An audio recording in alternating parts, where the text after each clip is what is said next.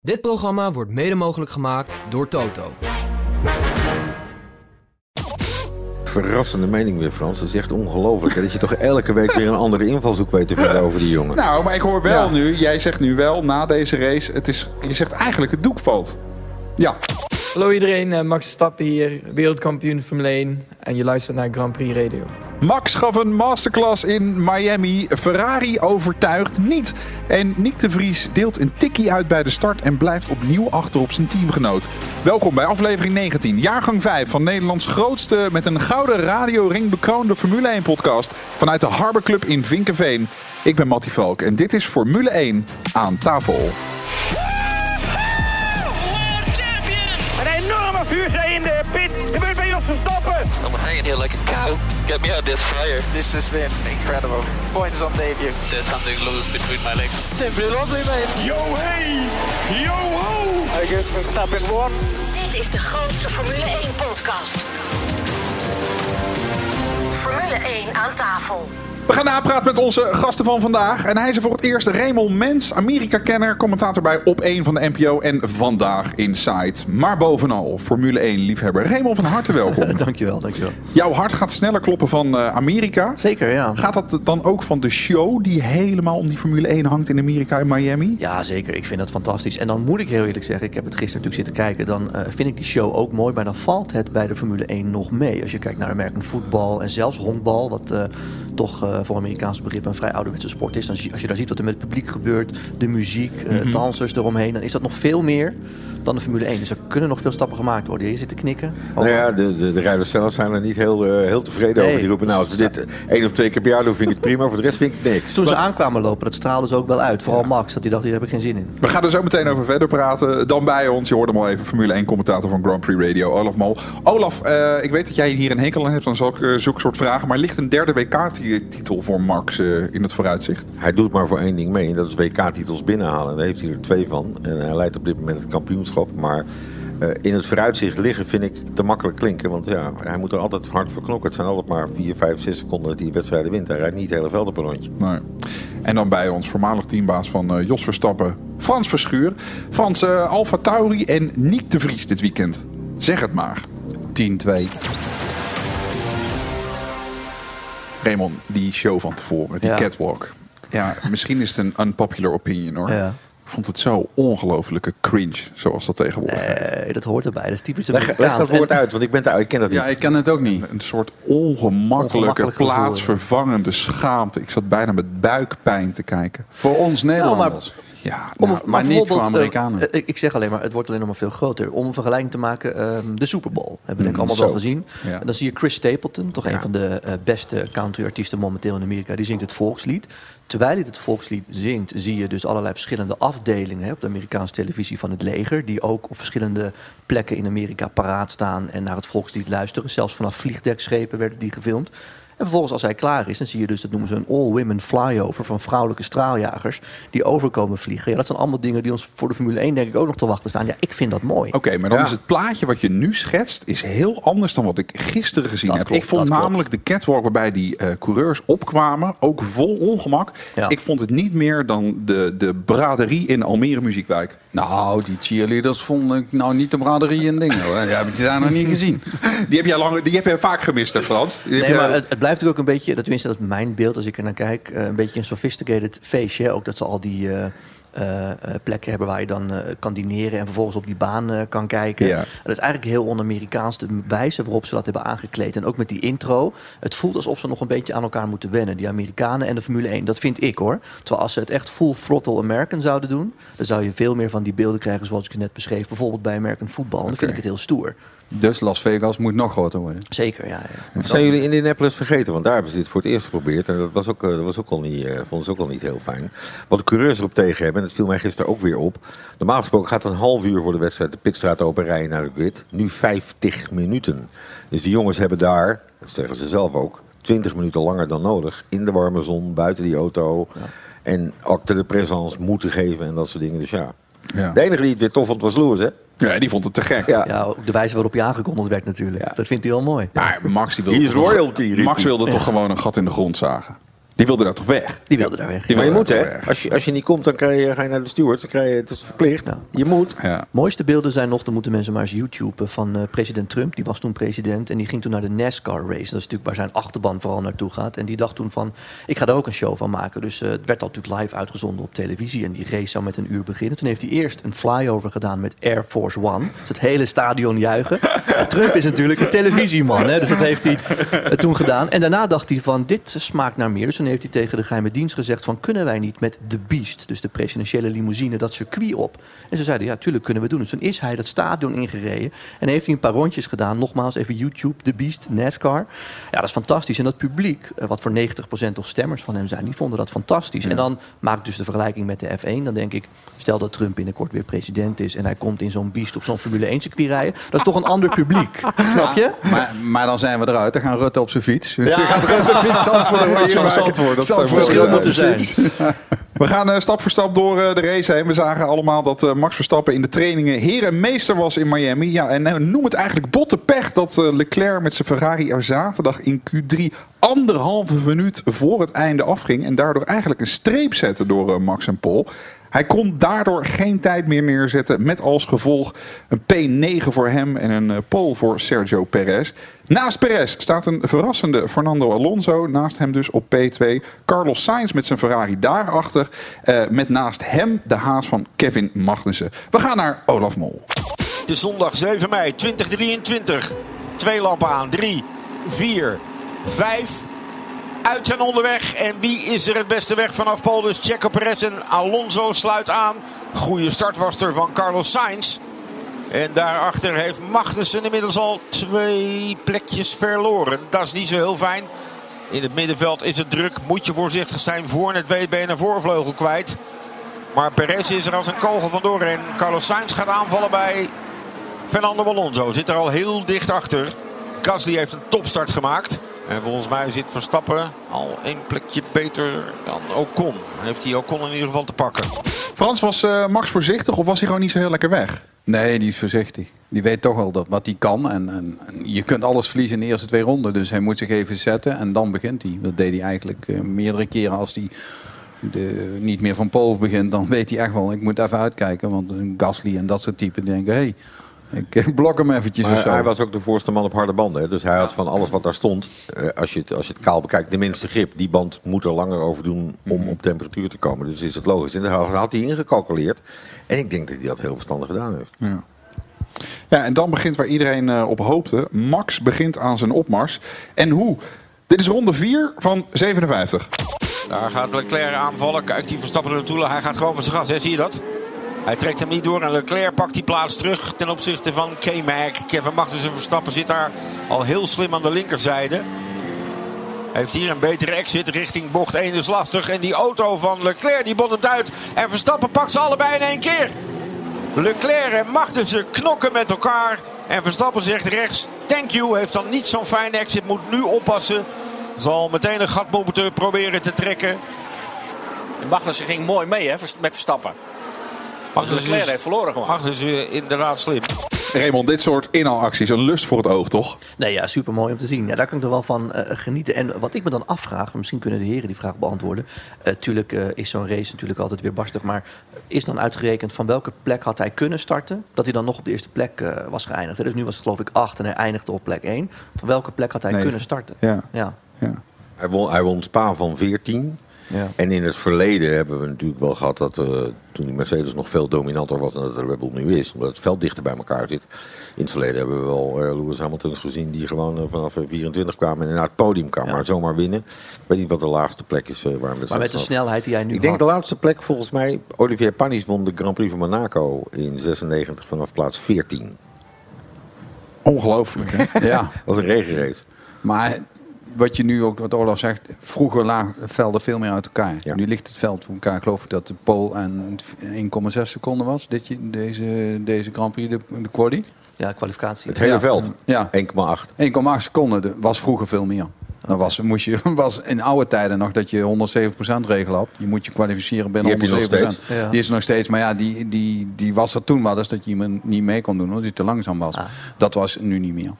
Eh, Olaf, jij zei eh, gisteren bij eh, Ziggo Sport eh, Leclerc kleurloos. Hij reed eh, in ronde 32 op P13. Ja.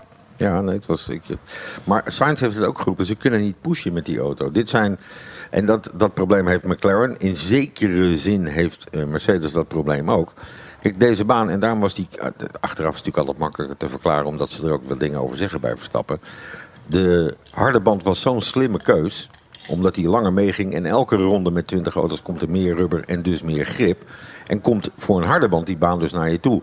Die zachte band in die beginfase, 5, 6 ronden die brandt op. En op het moment dat er grip is, heeft die band het niet meer. En dus moet je, je kunt ook makkelijk zeggen... het moment dat Checo op die gele band reed... was voor de gele band op het asfalt was reden niet tof. En op het moment dat Max hem later in de wedstrijd stak... had hij een nieuwe band op een baan waar veel meer rubber lag. Dus daar werkte die band ook veel beter. En toch, wat je nu zegt, is niet, klinkt niet per se als rocket science. Of onderschat ik het dan, hoe lastig Nee, dit is? Daar ben ik helemaal met je eens. En daarom vind ik het zo slecht van, van bijvoorbeeld eh, McLaren, die achteraan staat, twee keer rood steekt.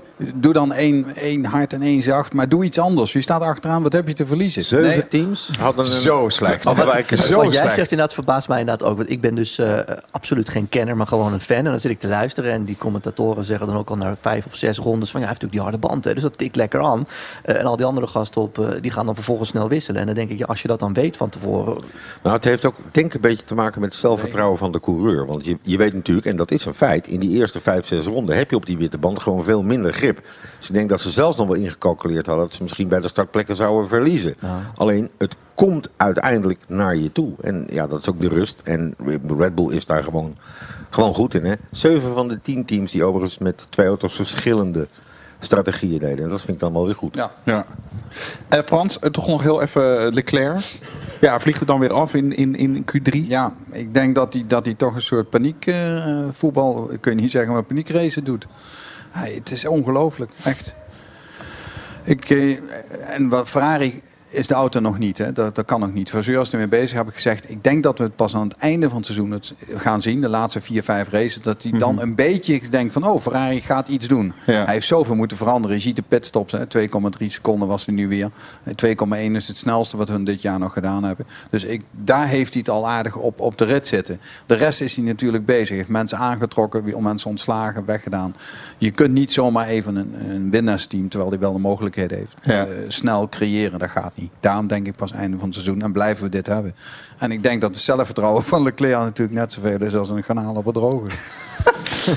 Dan eh, Max langs Russell in ronde 9. Max langs Gasly in ronde 10. In de ronde 14 rijdt Max Sainz voorbij. En in ronde 15 komt hij langs Alonso.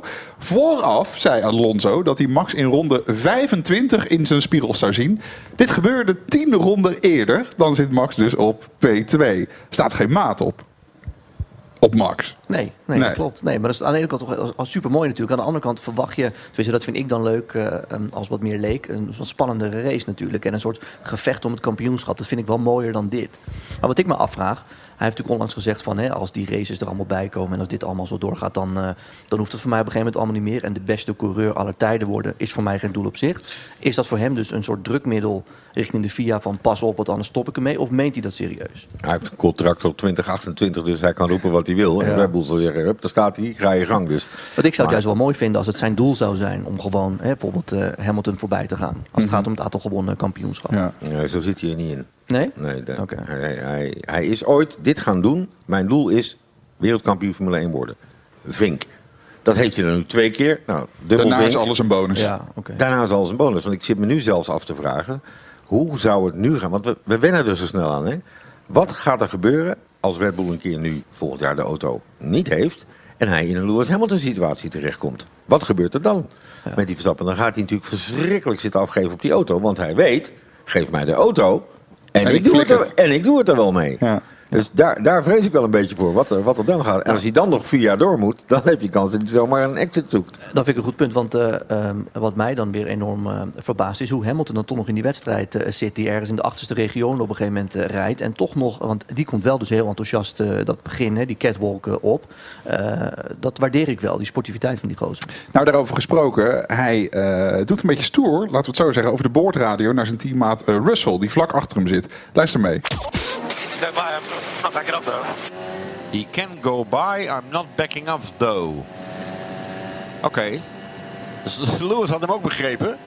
Eh, wat mij betreft mag hij er voorbij. Maar ik ga... Ik ga niet voor hem aan de kant. Ik ga niet het gas loslaten. Dus als hij er voorbij wil, zal hij het op je... Oh, nou, Lewis, I'm not backing off though. Goeiedag zeg. Hoe, hoe... Wanneer stoot je je Pinocchio-neus in zo'n helm als je zit te liegen? Ja, hij mag er voorbij, maar ik ga echt niet van mijn gas af. Wauw.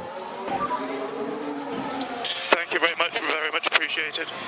Dankjewel, hartstikke bedankt. Jongen, jongen, jongen. Wat een toneelstuk dit zeg.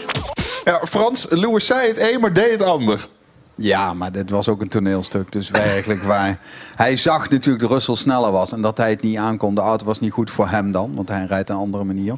En dan ziet hij Russell komen. Dan kan hij beter maar die show gaan doen. Dan, eh, dan, dan in paniek te raken. Ja. Dus in dat opzicht ja, wist hij gewoon dat hij eh, het haasje was. En dat hij de geslagen werd. Maar dit is ook de Formule 1 regie, hè, die bepaalde mensen in een bepaalde hoek probeert te drukken. Want eh, ik weet inmiddels, er is daarna, maar die hebben wij dus niet gehoord, nog een boordradio gekomen waarin zeiden, ja vriend, je moet nu echt voor hem aan de kant. En die wordt dan niet uitgezonden. En dan vind ik het, Ja. vind ik het listig worden. Die Engelsen, ook heel vaak met die eh, eh, pitlane exits, ja dit is gevaarlijk, dan halen ze dat. En dan lijkt het alsof de regie een coureur iets aan wil naaien. Want hoe kan je mij nou vertellen dat een coureur die eh, op een pitlimiter 80 rijdt... en die andere rijdt maximaal 80 en hij rijdt maximaal 80... dat ze roepen dat het gevaarlijk is... terwijl ze twee rondjes later met 350 km per uur aan het wielbengen zijn. Ja. Dan is dat in die... Ja, dit is, dit is dangerous. Ze proberen gewoon iemand, iemand wat aan te naaien. En de regie... Weet je nog vorig jaar in Monaco dat ze... Nou, ik ga voorzichtig zijn. Zes keer herhaalde dat Verstappen met zijn wiel een fractie over die pitlane exit ging. Dat is niks anders dan de wedstrijdleiding, wat mij betreft, te proberen te beïnvloeden. En in wezen gebeurde het hier ook. Want ik zei Lewis af, omdat ik maar de helft van die boordradio gehoord heb. En die andere, die is er live niet. Dus die kan ik niet horen. En ja, ik, ik, vind, ik vind het, nou kwalijk, ga me te ver, maar... Doet bijna een beetje Drive to Survive achteraan. Sorry. Nee, ja, maar goed, dat, ja, natuurlijk helemaal in, eh in Yankee Doodle land. Ja. En natuurlijk, eh, Engelsen zijn helemaal voor, voor, voor eh, eh, Hamilton en Russell. Eh, Verstappen kan eigenlijk weinig goed doen. Ik hoor tussen de regels door bij jou een enorme liefde voor Hamilton, eh, Raymond. Of ben ik dan te snel? het, zit een, het zit een beetje op jouw Amerika-zintuig, heb ik Dat het denk idee. ik, ja, dat denk ik, ja. Toch? Nou, ik vind het mooi dat je je positie gebruikt om je bijvoorbeeld hard te maken voor bepaalde punten. Dat doet hij. Eh, en eh, eh, dan denk ik, ja, als je die positie hebt, je hebt zoveel geld, dan komt er ook een bepaalde verantwoordelijkheid eh, bij kijken. Ja, en nogmaals, eh, precies wat Olaf net aansnijdt. Ik moet ook nog maar zien, als Max inderdaad in zo'n positie zou zitten, hoe gaat hij daar dan mee om? En ik, ja, als je het gewoon gisteren te kijken, dan denk ik ook, oh, die gozer is jarenlang op de top geweest, kampioen eh, geworden. Nu eh, begint hij ergens op plek 13, geloof ik, en eindigt hij op een gegeven moment eh, ergens in de race nog een paar plekken later. En dan denk ik, of terug, en dan denk ik, die gozer is wel nog steeds super enthousiast, ga- gaat er helemaal in mee, reageert enthousiast ook op interviews. Die He handles it instelling- well, zeg je Ja, eigenlijk. vind ik mooi. Hij heeft Ja. 40 miljoen redenen om enthousiast te zijn. dat scheelt ook, hè? Nee, dat klopt, dat niet iedere motivatie hangt vast aan geld, toch, Olaf? Nou, hij was al eh, vrij jong. En dat vond ik best een enge opmerking. Dat hij dan echt zegt, ik heb geen idee hoeveel geld ik heb. Als ik wat wil hebben, dan koop ik het. En dat, ik weet je, moet wel... Maar dat was, al, dat is al dik 15 jaar geleden. En toen kocht hij een eigen privévliegtuig in de kleur Bordeaux-rood, zoals hier achter op de muur zit.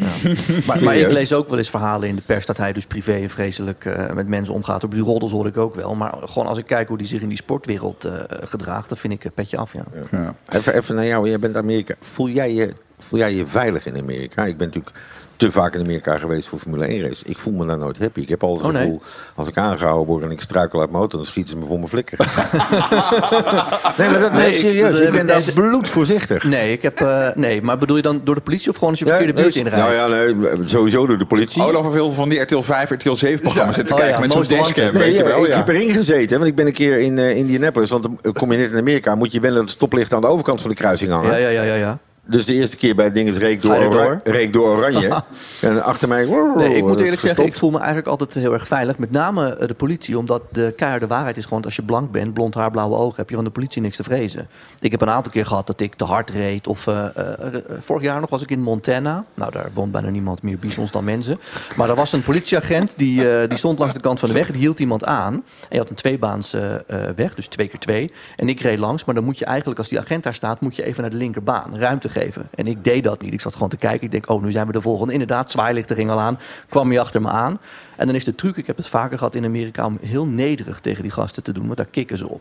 Dus ze zien al dat je blank bent, dan gaan ze bij hun toch wel wat minder alarmbellen af als dat je zwart bent. Dat is gewoon zo. Ook al niet goed. Nee, dat is niet goed, maar het is wel voor mij dan gelukkig dat ik denk, nou, dan heb je, hebben ze wat minder van je te vrezen. En vervolgens dan, nou, een raampje naar beneden komen ze naar je toe en dan zeg je, I'm so sorry, officer, so sorry. I mean, I saw it happening, I saw you standing there, but I didn't know what to do. It went so quick. I'm so sorry. Oh, that's okay, man. Where are you from? En dan heb je een heel leuk verhaal. Ja. En dan kun je weer door. Ik ging uitstappen en toen kreeg ik via die speaker door... Get Ja, back ja. in the vehicle, sir. Ja, ja, ja. dat doe je. Nee, nee. Ja, en wij zaten, met, wij zaten met vijf man in de auto. En je raadt hem al, na twee minuten... de tweede politieauto voor een oranje stoplicht, hè. Na drie minuten de derde. En uiteindelijk zie ik een sheriff-auto aankomen. Er stonden gewoon Ja. vijf auto's achter ons... omdat wij met vijf man in die auto zaten. Dat heb ik inderdaad ook een keer gehad. Weet die, die pan- gast die komt achter mij rijden met die, motor, eh, eh, die motoragent inderdaad. En het duurde zo lang dat ik dacht, ik stap even uit. Dan loop ik naar hem toe. En dat was niet de bedoeling. Get back in your car, sir.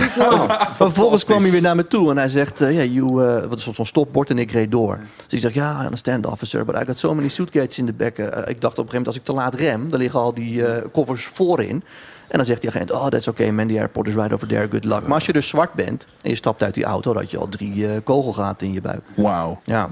Dat, dat is wat ik bedoel. Een eh, politieauto is eh, heel makkelijk te herkennen qua geluid, want je hoort gewoon een sirene. Zometeen spelen we Raad het autogeluid. Je kunt winnen een eh, volle tank brandstof voor je auto, de Flitsmeister 2 en een fles officiële Ferrari Formule 1 champagne. We hebben een vraag gekregen van Erik van Driel over Ocon en Hulkenberg. En we praten natuurlijk over Nick de Vries met Frans Verschuur. Tot zo. Ervaar de maximale radio-racebeleving met VPN Nederland. De manier om een buitenlandse radiozender te beluisteren op je smartphone, tablet of pc. Simpel, betrouwbaar en betaalbaar. Ontvang wat je wil horen met vpnnederland.nl. Denk, Tink, Max Korting. Profiteer en race nu naar Tink.nl.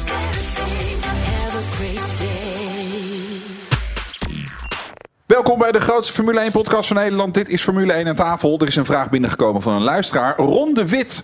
Hij heeft een eh, vraag gestuurd naar F1 aan tafel grandprixradio.nl. En hij zegt, de heren, ik hoor eh, Olaf of Jack vaak zeggen dat zijn engineer Jean-Piero tegen Max praat via de boordradio. In Miami was een mooie boordradio waarin Max werd verteld dat hij zich moest focussen op het racen. En dat de rest wel door het team zou worden opgelost. Ik hoor echter steeds voor mijn gevoel, herkenbaar, Red Bulls teambaas Christian Horner. Hoe weet je nou wie wat zegt? Heb jij daar nog lang over gedaan, Olaf? Om, om dat van elkaar te onderscheiden? Want ik heb, dit herkennen heel veel mensen. ze lijken wat dat betreft heel erg op elkaar. Maar Ja. het, het, het is heel bijzonder als een teambaas tijdens een wedstrijd zich daarin mengt. Het is heel goed afgesproken wie er met wie communiceert, wie er met welke auto communiceert. En pas als het heel spannend zou gaan worden, dan komt Christian Horner. Stel Checo en Max met die inhaalmanoeuvre. Er wordt nog harder verdedigd en nog harder verdedigd. Dan zou Christian Horner eroverheen komen met gentlemen, let's keep it clean and keep positions. Dat is wat hij weer doet, omdat het beide coureurs aangaat. In dit geval was het van Giampiero, maar die heeft een beetje de tongval van eh, Ja. Christian Horner. Het is gewoon de highbrow English. Ja, precies. Is het ook niet gewoon zo, wij horen een Engelsman, dus we kunnen het niet meer uit elkaar houden? Dat heb ik ook altijd, weet je, als je van, oh, English, ja. Englishman in New York. Een Englishman in Eh, New York, ja, Miami precies. in dit geval. Nou, wat Olaf zegt, dat klopt. Eh, Ik als teambaas eh, ga niet mijn engineer overrulen. Want dan zegt die engineer heel snel, doe je het zelf maar. En dan zeg je wel tegen die engineer, ik wil dit niet hebben. Ik wil dat het zo en zo gaat. En dan communiceert hij dat naar de rijder en- en of wat dan ook. Dus nooit, een teambaas gaat dat nooit doen. Die, in principe zou, zeg ik het altijd tegen mijn engineer. Ik wil dat het zo en zo gaat en dan gebeurt dat. Ja, dus in 99% van de gevallen hoor je Jean-Pierre. Ja, eigenlijk. Heb je ook een vraag? Mail die dan naar F1 aan tafel. Hoor je hem wellicht terug in de volgende podcast. Dan terug naar de laatste fase van de race. Eindelijk 45 ronden op de hardste compound. De witte band komt Max voor een pitstop naar binnen. Hij ligt dan eh, iets meer dan 17 seconden voor op Perez, die op P2 rijdt. Ja, en dan wordt het een beetje krap. Stappen wordt gevraagd naar een frontwing update. In mijn geheugen is dat vaak al een klein signaal van binnenkomen binnenkort. Box, box, box voor Max Verstappen. In de, als hij zo binnen is, 46e ronde. Heeft hij dus 45 gehad. Daar springt hij naar 46. Nieuwe mediums. Vuistjes bij de mannen. Niet zo'n snelle stop. Nee, maar dat is logisch. Je gaat daar geen risico in nemen. Kijk eens. Hoor dat publiek ook. Hij sluit aan achter Checo Perez. Nou, dan is dat dit Checo Perez bespaard gebleven. Maar het moment dat hij zo dadelijk om de oren komt. Ook weer een momentje van Christian Horner. Hè, van eh, oké guys, keep it clean. Ja, nieuw race leader. Zet hem maar meteen achter voor how long. Frans, wat denk jij? Was het de bedoeling dat Max achter Checo zou komen? Want snellere verse banden, meteen DRS. Of duurde die pitstop net te lang? Het maakte eigenlijk niet zo heel veel uit. Of hij naar de achter tevoren, hij ging hem toch winnen. Omdat Checo al zo lang op die band reed. En hun wisten allemaal precies de tijden. En, en, en Max kwam dus op die gele met minder eh, gewicht in de auto. Die vliegt eroverheen en klaar. het, was het, plan. eigenlijk, eh, het was het plan, want hij werd op de boordradio continu op de hoogte gehouden. Deficit Ja. is nu min 1,7. Oftewel, je komt 1,7 achter hem terecht dat hij erachter zou komen. Want hij kon op die hardere band uiteindelijk ook dat gat niet boven de 20 seconden tillen om een veilige pitstop te maken. Maar dit is natuurlijk ook een veilige pitstop, want feitelijk is het natuurlijk een oneerlijke strijd. Checo op 25 rond oude harde banden en Max op een setje nieuwe medium. Ja, pff, dat is een noop, dat is een noop. Dus alles binnen de drie seconden dat hij achter hem op de baan zou komen, was al goed. En ze namen niet eens echt risico, dan hadden ze hem op rood gezet. Dus hij wist het ook wel met maar. En dat is ook de reden dat Checo hem uiteindelijk ook gewoon liet gaan. Ja. Tuurlijk, hij weet Want ik hoorde die commentatoren zeggen van Max had hem eh, op dat moment nog niet laten gaan. Als de situatie omgekeerd was. Nou, de, de realiteitszin is, is dat je als coureur natuurlijk ook weet... ja, ik heb 25 ronden oude harde banden... en dan komt er even een achter me aan op Ja. een setje nieuwe, nieuwe mediums. Ja, dat heeft Dus ik kan een enorm elke- groot risico nemen, maar dan pakt hij me straks Ja. ook. Ja. Het is, het is een beetje zinloos. Zet- Hij heeft het nog gedaan met een beetje ellebogen. En, Ja. eh, daarom Maar dat is dan voor de vorm. Ja, Max riep na afloop ook, that, that was good defending, weet je. Gewoon, eh, leuk, laten we er wat van maken. Ja. Dat is een beetje Mark Rutte die dan tegen Lilian Marijnissen zegt... ze doet het zo leuk. Weet je wel? Ja, ouch. Ja, maar dat is wat dat is. Ja. Hey, eh, nog even pure bijzaken. Ja. Raymond, wat vond je van het eh, ontwerp van de auto? De Miami, de Miami livery van de, van de Red Bulls? Heel mooi, maar moet ik daar nog wat van vinden? verder? Nee, dat weet ik niet. Ik vond, Ja. ik vond het namelijk te gek. Maar ik heb Ja. heel weinig mensen erover gehoord. Ik zag mooi, uit, toch? Ik vond het woord livery over de top. Want het was gewoon een aanpassing van de kleur. En niet, en niet een livery. Een echte livery, van mij betreft, die auto is heel anders. Dat ze, het, ze hebben een keer met die witte Honda kleuren helemaal gereden. Dat vond ik een andere livery. Ah, nu hebben ze er zo'n Nou ja, zo'n Miami Sound Machine groene streep. En het Miami Sound Machine roze streep opgezet. Het was een winnend ontwerp volgens Olaf mij van niet een onder van de de, van de Ja. fans. Maar je was niet onder de indruk. Nee. Ah, ik, vond, ik vond hem mooier dan normaal. Ja, ik vond hem ook mooi Ja, dan dus, normaal. eh, ik zou hem zo houden, maar het is maar voor één race. Ja, precies. Ja. Eh, we luisteren nog even naar de finish met een eh, perfecte samenvatting van de race. Nou, het zijn takjes die daar op het rechtstuk wapperen af en toe van de wind die van zee komt. Maar er is maar één zee die hier vandaag is en dat is de Hoezee. Een ronduit Hoezee, Hoezee op zondag 7 mei 2023. Start Verstappen als negende. Legt hij ze er allemaal op voor overwinning nummer 38 en een versteviging aan de leiding van het kampioenschap.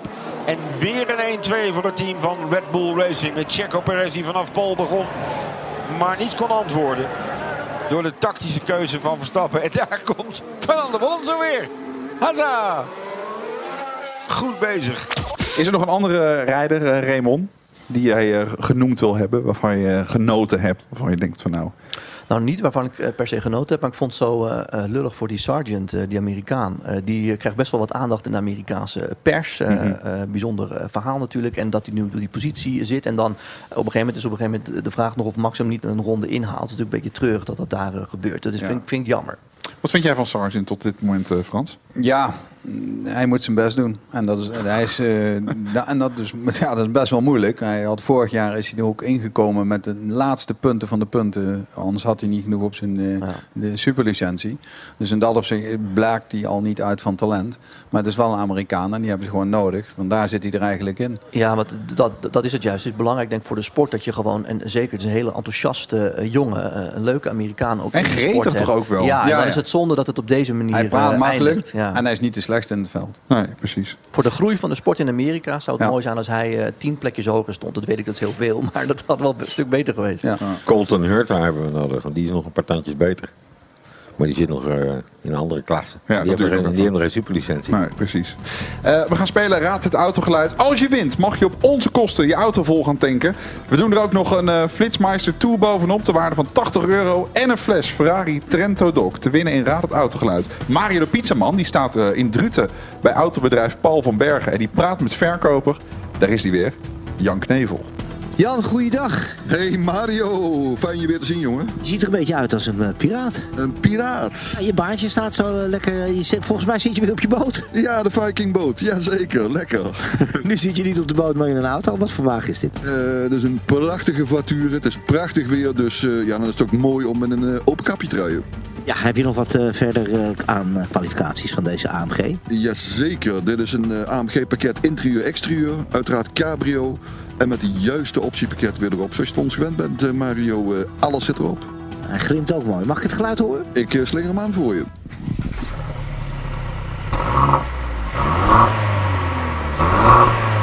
Het is weer een bescheiden geluid, maar wel een hele mooie auto. Waar vinden we hem? Uh, deze vinden we natuurlijk weer op www.paulvanbergen.nl. Ja, daar vind je hem wel.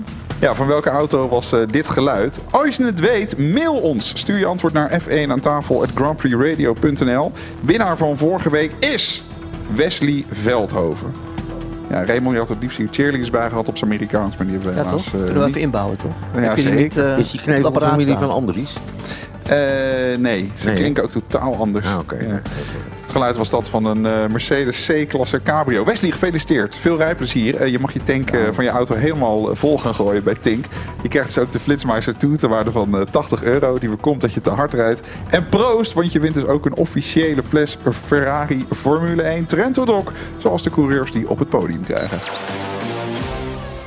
Zo is maar één reden dat er geen cheerleaders zijn bij de Formule 1 of heel veel andere dingen. En kisscam bijvoorbeeld. En dat is omdat er geen uh, stops natuurlijk zitten in die race. Die race gaat als goed is gewoon door. Terwijl al die andere sporten die op de Amerikaanse oh, televisie pauze worden... Bedoel, je bedoelt echt een pauze? Ja, echt een pauzepauze, ja. ja. Kijk, een van de redenen bijvoorbeeld waarom voetbal minder populair is in Amerika... qua kijkcijfers gewoon...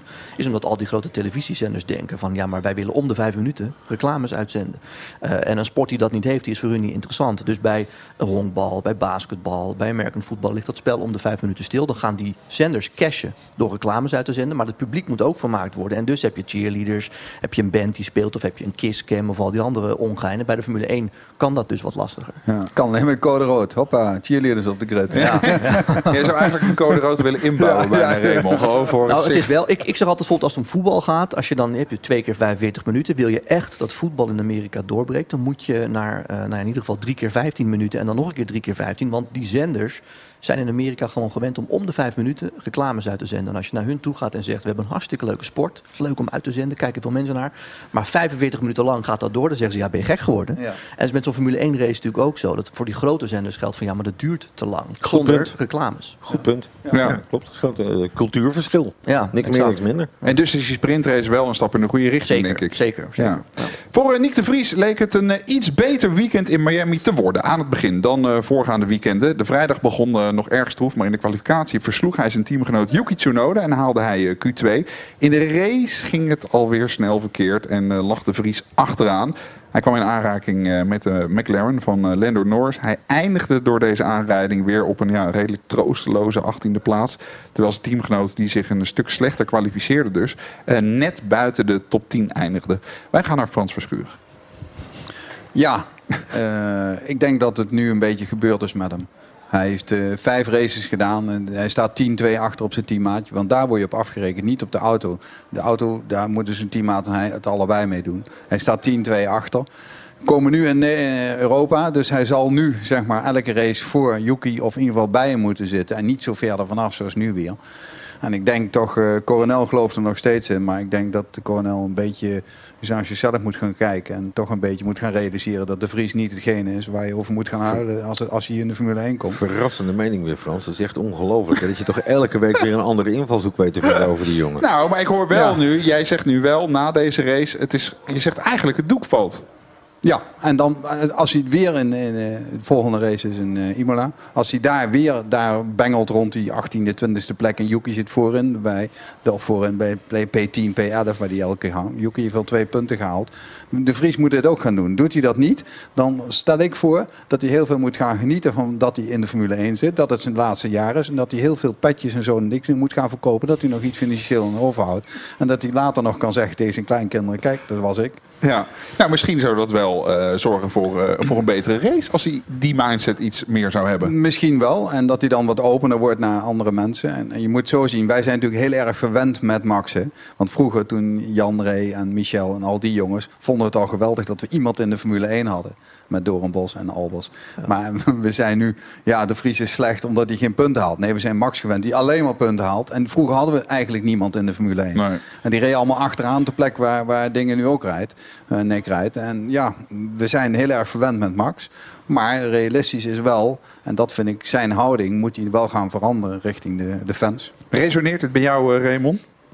Nou, ik vind het vooral heel jammer, want ik vind het een ontzettend leuke uh, gozer. Maar ik vind je het een leuke gozer? Zeker, ja. Heel, heel enthousiast, spontaan. Is hij Amerikaans of zo? Ja, dat vind ik sowieso mooi. maar ik heb ook niet het idee, maar nogmaals, ik ben geen expert... dat hij er niet alles voor geeft. In de zin van, jij zegt misschien hij moet meer risico's nemen. Maar het probleem is toch juist dat hij af en toe te veel risico's neemt? Of zie ik dat nou verkeerd? Nou, ik denk dat, nee, ik denk dat hij te weinig talent heeft en inzicht. En dat hij daarom niet rijdt op de plek waar Yuki rijdt. Maar laten we heel Ja, maar, even maar dan kan dat dus niet veranderen, ook al komen de Europese Nee, dat gaat niet veranderen. Nee, maar je moet iemand een tijd geven om te leren. En hij heeft natuurlijk hij heeft heel veel klasses gereden en heel lang. Dus hij zal al wat ervaring moeten hebben. Dus Ja. men zegt, of ik zeg, na vijf races moet dat er zijn. En moet je niet meer de rookies zoals Sargent en Piastri. Die jongens in 18, 19, 20, die zijn echt rookies. Maar hij is geen rookie meer. Maar even een concreet voorbeeld dan gisteren eh, na de start. Dat kusje aan eh, de McLaren van eh, Lando Norris. Olaf, jij zei daar bijvoorbeeld van, dit is gewoon ongelukkig. Je, was iets mil- je was iets milder. Ja, je kunt het ongelukkig noemen, want uiteindelijk raakt Nick zijn downforce op de voorkant van de auto kwijt. Omdat Norris op een rode band dus een betere start heeft. Voor Paul voor hem aansluit, downforce weg. Ja, dan kan je op de rem trappen en dan heeft hij heel veel te hard geremd. Het is gewoon natuurkunde. Gewoon eh, lucht weg en eh, klaar. Ja, daar, daar ga ik eenmaal in mee. En eh, hij is natuurlijk gewend om iemand achterop te rijden. Dat deed hij vorige race bij Sargent ook. Dus hij denkt, ik hou dit gewoon erin. Olaf, hoe kijk jij hier tegenaan eigenlijk? Zoals ik er net eh, tegenaan kijk. On- ongelukkig, niks meer, niks minder. Nee, oké, Nick, maar even- heeft, Nick heeft in principe in alle klassen waarin hij reed... twee, drie, vier jaar nodig om daarin te winnen. Dus hij, hij kan wel leren. Alleen krijg je die tijd in de Formule 1... dubbele punt, komma, waarschijnlijk niet. Zo sta ik erin. Hij zit er volgend jaar niet meer in als hij zo doorgaat. Staat 10-2 voor Yuki. En als het het einde van het jaar eh, 30-3 staat of 30-4... dan is hij er echt uit. Er komen heel veel goede aan. Poucher, eh, Lawson, dat zijn allemaal jongens. En daarnaast denk ik dat, dat eh, Red Bull zich heel gauw terug moet gaan naar hun programma. Dat ze de jeugd die ze opleiden, waar ze 30 tot 40 miljoen aan uitgeven... dat ze die ook een kans geven. En niet eentje pakken die niet uit die kant... want dat hebben ze allemaal met Perez gedaan. Nu ook weer met Nick de Vries. Die komen niet uit het Red Bull verhaal. Hallo, Max ook niet. De enige die er Nee. die eruit komt is Yuki. Ja. Maar als ik jou zo hoor, jij zegt van er komen nu een aantal Europese circuits aan, dan moet het gebeuren. Ja. Eh, kan hij ook tussentijds vervangen dan worden? Nee, dat zullen ze niet doen. Dat, die, die, dat is wel bij andere teams gebeurd. Ze hebben Max destijds eh, gedurende het seizoen even of een Red Bull of een Toro Rosso even een Red Bull gezet. Ja, maar dat is wisselen, hè? Dat ja, is- dat is in hetzelfde Dat team. Maar dat gaan ze niet doen. Dat gaan ze niet doen. nee. Oké, dus hij krijgt nog wel dit seizoen de tijd om zich te Ja, dus daar moet hij ervan genieten en eh, elke keer eh, zijn maximale eruit halen wat hij kan. En dan heeft hij toch een heel jaar, een mooi jaar gehad, wat ik en al heel veel anderen niet gehad Daar, hebben. daar zal hij anders naar kijken nu dan. Ja, maar hij denkt, hij moet ook wat, wat opener worden naar zijn, naar zijn eh, fans en dat soort dingen. Daar vind ik hem erg arrogant in. En dat, dat staat mij een beetje tegen. Luister je elke week naar F1 aan tafel en ben je een groot liefhebber van de Formule 1 en studeer je aan de school voor journalistiek? Kom dan ons team versterken als redacteur. Eh, stuur een mail met je motivatie naar f1 aan tafel. We zien je graag verschijnen. Wellicht zien we je binnenkort bij, eh, bij Grand Prix Radio. Zou toch leuk zijn? Werk je met Frans Verschuur en dat is één groot feest. Want Frans, hoe omschreef je jezelf ook altijd? Je, je, je gaat het leven met een lach tegemoet. Wat zei je nou? Een dag niet gelachen, een dag niet geleefd. Juist, precies. Ja. Even voor de studenten journalistiek. Ik heb zelf journalistiek gestudeerd. Wat, Nou. schuif- wat schuift dat? Wat schuift dat? Ik Kijk eh, heel even naar eh, een de stage, hoge hier. Volgens mij begin je met eh het is het, eh, 2,50 euro per artikel, want je moet wel eh, leveren. Ja, ja, ja. ja. Echt het waar, is ja? erbij, ja, mijlen maken. Ja. En dat is natuurlijk, waar, waar krijg je de kans om openbare mijlen te maken? Je kunt het best doen en eh, ik vind dat ook het goede. En er zijn er denk ik al een stuk of vijf, zes die nu bij Formule 1 bladen werken, die bij andere redacties werken, die ooit, ook inderdaad zo in het klein, om mijlen te maken, begonnen zijn bij ons op de redactie. Oké. Wat Dus- kreeg jij dan eh, toen je begon? Ik dacht Niks. eh, drie, nee, 300 euro per maand, dacht ik of zo. Ja. Oh. Als, als stagevergoeding, hè? Ja, precies, ja. En dan eh, s- 50 uur per week. Ja, dat wel, ja. nee, 100 procent. Ja, het is pas over twee weken, maar we blikken toch even voorzichtig eh, vooruit naar Italië. De Grand Prix van Imola. Ehm, we spelen Koning van de Race. We stellen vragen aan onze gasten, maar misschien weet jij het wel beter. Raymond, we beginnen bij jou. Behaalt Fernando Alonso in Italië wederom een podiumplek? Ja. Ja? Wil je dat nog verder motiveren? Nee, want dat kan ik niet, maar ik denk het gewoon. Oké, hartstikke goed. Nou, zo mag je het spel ook spelen. Olaf, lukt het eh, Ferrari om in hun eh, thuisland een overwinning te behalen? Nee. Nee, oké. nou, daarvan is... Mag ik eh, dat nog toelichten? Absoluut. Nee, hoeft niet. Jij kan dat wel. Eh, Frans, wel of geen rode vlag op Imola? Ja. Alright. Praat mee op onze socials en ga naar de website www.grandprixradio.nl. Dit was Formule 1 aan tafel voor deze week. Ik eh, dank jullie allemaal voor je aanwezigheid. En eh, jullie mogen alle een fles eh, Formule 1 Ferrari Trento Doc mee naar huis nemen. Volgende week zijn we er weer met een speciale aflevering van, van F1 aan tafel. In het kader van het 75-jarig bestaan van circuit Zandvoort. En de Historic Grand Prix op 16, 17 en 18 juni aanstaande. Gasten zijn dan bij ons Robert van Overdijk en Erik Weijers. Presentatie is in handen van Twan van Peperstraten. Tot zover Formule 1 aan tafel. Redactie in handen van Sjaak Beumer en Koen Bakker. Vormgeving en montage Marnix Westhuis. Draaiboek en productie Mario de Pizzaman. Ik ben Mattie Valk en blijf nog even hangen voor de bonus. Dit is de grootste Formule 1 podcast. Formule 1 aan tafel. We zitten in de Harbor Club in Vinkenveen. En Hassan zegt hier eh, zojuist ja, allerlei lekkernijen op tafel. Eh, Hassan, wat staat hier? Wat staat er? Ja, we hebben een uh, skirtsteak met een Asian salad. En daar zitten wat rijstkiepjes doorheen om het lekker wat een beetje bij te geven. We hebben een spicy tuna roll, sushi. We hebben een salmon torch roll. We hebben een KFC met een... ja, wat voor saus ook weer, joh. Ik weet het eigenlijk al niet meer. Ja, dat nee, heerlijk niet. sausje erover. We hebben rood sausje. nee, het is een triple S saus. We hebben een uh, crispy gambas met een uh, kimchi mayo en een rode miso. En we hebben heerlijke beef taco's met wat mayo en uh, parmezaanse kaas eroverheen. Heerlijk. Dankjewel, Dankjewel. Hassan. Ja, Raymond Raymond. helemaal opveren Ja. bij het woord KFC. Ik heb een eigen podcast, die heet Amerika in 15 minuten. Beantwoord ik vragen van luisteraars over de politiek. Maar die neem ik gewoon thuis in mijn achter mijn bureauotje op. Dus ik denk dat ik over een andere locatie na moet gaan denken. Ja, dat denk ik. Bij VI kreeg je dit ook niet, hè? Zeker niet. Nee, nee, dan krijg je allemaal... Het is, het is bitterballen. en zo. Ik heb jou eh, bij VI gezien en dan Ja. was je nogal eh, kritisch op eh, mijn linkervriend hier, Olaf en Jack. Dat hij eigenlijk de tijd was dat we een beetje moesten gaan en dat het Ja. nu de tijd van Viaplay is. Maar ja, Viaplay die is dan vind ik weer een beetje zo kinderachtig dat ze alle radiorechten wegkopen om Grand Prix Radio niet de tijd te geven. Ja. Maar daar hoorde ik je niet over. Of wist je dat nog niet? Ja, dat wist ik wel, wist ik wel. Dat heb ik ook gevolgd. En dat was ook de tweet eh, eh, waarop ik reageerde. Nou, kijk, waar het mij om ging is... eh, ik heb ook genoten jarenlang eh, Ja. van het commentaar van Olaf. eh, vooral. En hoe lang heb je dat nou in totaal gedaan? Ik doe het nog steeds. Ja, maar voor de, voor de nationale televisie. Nee, ja, je, je, je kan me afserveren. Ik doe het nog steeds. Dit, dit is mijn 32e Formule 1. Ja, maar dan heb je dus nog 30 jaar gedaan, echt voor, de, voor de partij die de televisieuitzendrechten had. Eh, en ik vind op het moment dat dan het hele balletje begon te rollen en dat ging dan eh, naar Viaplay, vond ik de reacties van jou, maar ook van Jack en uiteindelijk ook van Robert Doornbos gewoon heel zuur. Stop. Als, nee, even twee zin afmaken. Ja, hij mag even Alsof- zin afmaken, Want ik, want ik, ik heb al die stukken eh, gelezen en jij zegt er ook heel vaak bij, hè, je, kan- op een gegeven moment is het gewoon een faire keuze van hun om iemand anders te gaan, dan is dat zo. Ehm, eh, maar maar de, de hele sfeer was een beetje zuur. Ook Doornbos die op een gegeven moment zei van... eh, ja, eh, Formule 1 zonder mij, dat kan toch bijna niet? Dan denk ik, ja, maar dan maak je jezelf bijna groter dan de sport. Waar ik op reageerde, toen hadden wij op Twitter eh, een discussie, Olaf en ik... of de discussie, een uitwisseling van gedachten. Mooi. Was toen eh, Jack Ploy over die radiorechten begon inderdaad. Want dat had ik wel degelijk gezien, dat hij het een beetje pesten van via Play vond.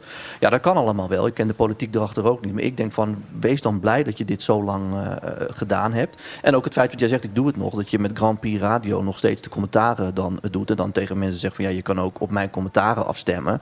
Ja, ik vind het niet zo chic. Als je dat dan 30 jaar doet en er zijn twee jonge gasten die gaan dat dan nu doen. eh, dan denk ik van, je kan ook gewoon terugkijken op 30 mooie jaren. En op via allerlei manieren ook met die podcast, met de sport Ik ben niet blijven. gestopt, dus ik hoef niet terug te Maar niet- kijken. maar niet die En dit gasten de voeten radiodeel doen wij al zeven jaar.